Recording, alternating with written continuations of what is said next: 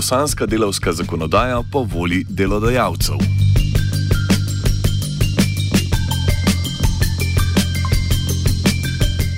Vlada Republike Srpske je izglasovala novo delovsko zakonodajo, ki ostro, nas, ki ostro nasprotovanje že dalj časa izkazujejo sindikati in opozicija. Zadnji izmed protestov je potekal ravno v času, ko je oblast potrdila sporne zakone. Splošna smer nove zakonodaje ni presenetljiva. Splošna fleksibilizacija dela in dodaten prenos moči na delodajalca. Pri celotni zgodbi pa je dovolj povedno, da je mednarodni denarni sklad nadaljna posojila pogojil z uveljavitvijo nove zakonodaje. O škodljivih ukrepih sveže izglasovane zakonodaje Ranka Misič, predsednica Zveze sindikatov Republike Srpske. Zakon o radu Republike Srpske je pisao MMF, Svjetska banka, uh, E, zatim visoki predstavnik u Bosni i Hercegovini i oni apsolutno u interesu a međunarodnih finansijskih institucija u interesu vlasnika kapitala i potpuno bespravljuje radnike.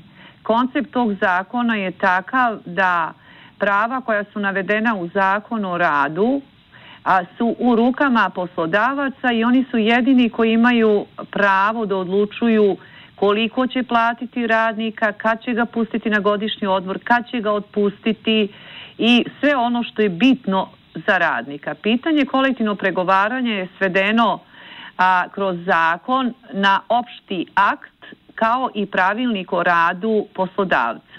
Što znači da poslodavac može samostalno da svojim pravilnikom o radu zamijeni institut kolektivnog pregovaranja i na taj način sahrani sindikat.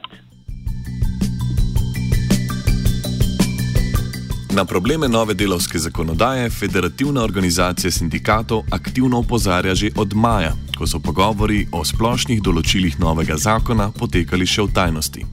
Da, mi smo organizovali proteste i to nije bila manifestacija, nego su bili protesti koji su a, pokazali svu snagu sindikata da u nemogućnosti da ubijedi vladu da ne donosi takav zakon, da smo probijali kordone policije koje, koja je čuvala narodne poslanike od naroda, da bismo došli do njih da im kažemo da to ne rade, da je to loše i da se ne ograđuju kordonima policije od vlastitog naroda.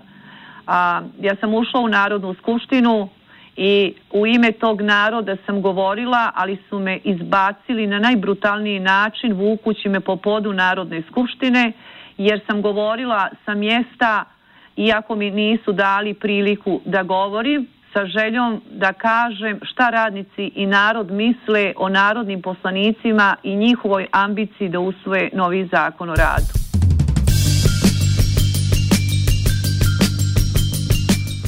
Podobno sporen zakon je bil sprejet letos poleti v Federaciji Bosne in Hercegovine.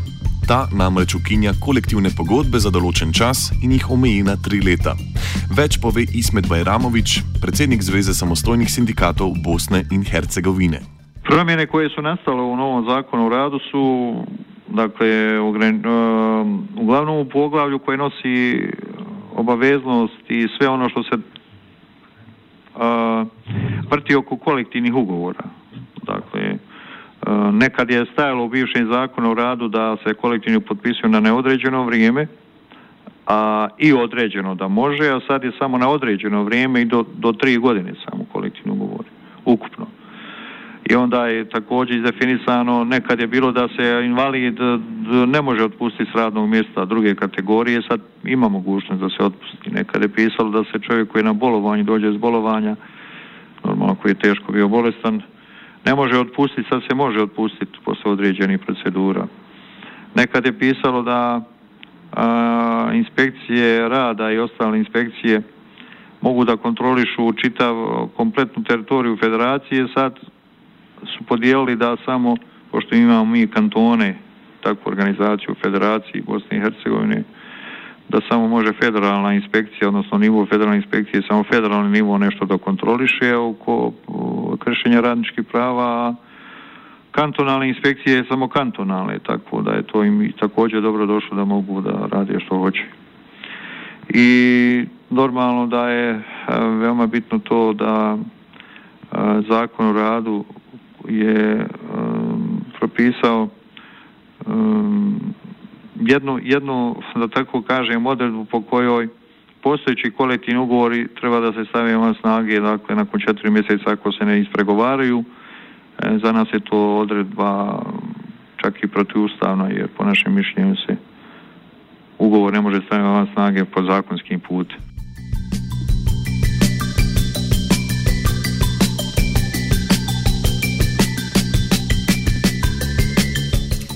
Podobno kot v Republiki Srpski so tudi v Federaciji Bosne in Hercegovine sprejemanje delovske zakonodaje spremljale sladke obljube Mednarodnega denarnega sklada, da bodo novi zakoni zagotovili višjo zaposlenost.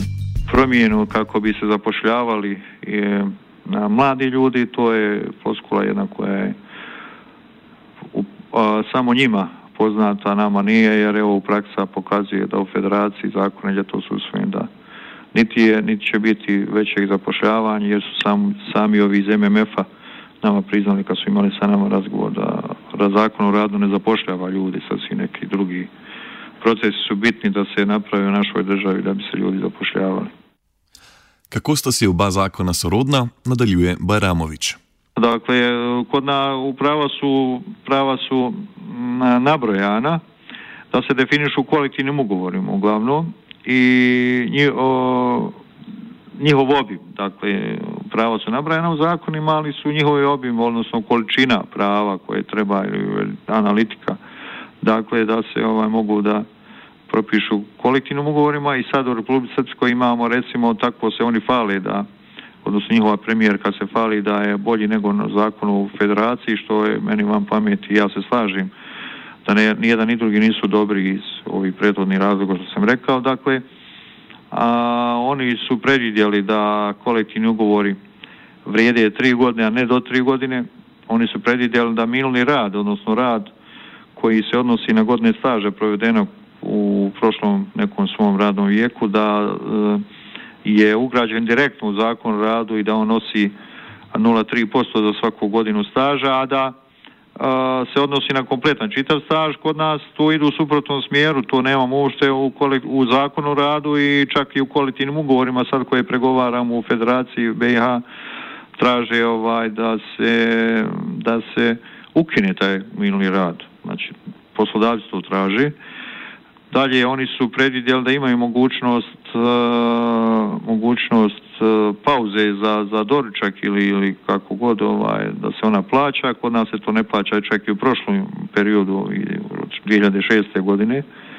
Nije bilo zakon, oni su to ugradili direktno zakon o radu, ali zato, zato imaju drugi odredbi koje se tiču ovo, i ugovora o radu i tako dalje koje su propisali. Propisali su obaveznost ponavljam, znači nema više ugovora na neodređeno po pitanju djelovanja kolektivnog ugovora na neodređeno da se potpisuje nego tri godine, u nas je do tri godine to je bitna stavka i čak je propisano ono što je veoma bitno, a to je da se postojeći kolektivni ugovori a, mijenjaju, to su im napisali i moraju se roku šest mjeseci da, da donesu novi ili tako da a, imaju neki naizgled poboljšanja jer ovo para oči i uši ljudima kad vide milni rad, vide topli obrok, mi imamo taj topli obrok i tako dalje.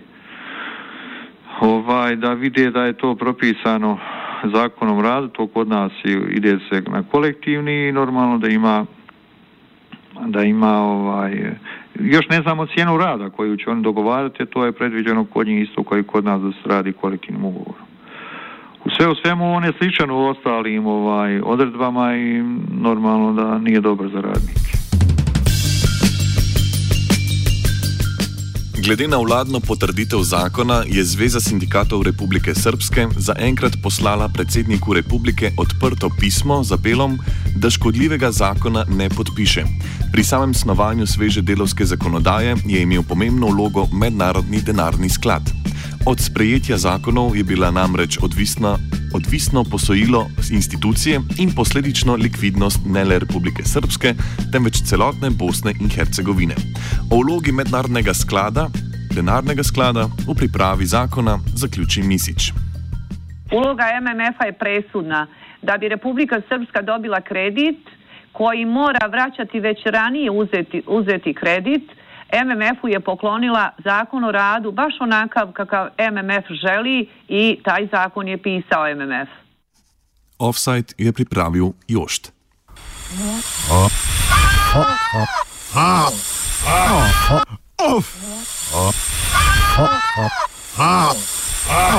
Offside.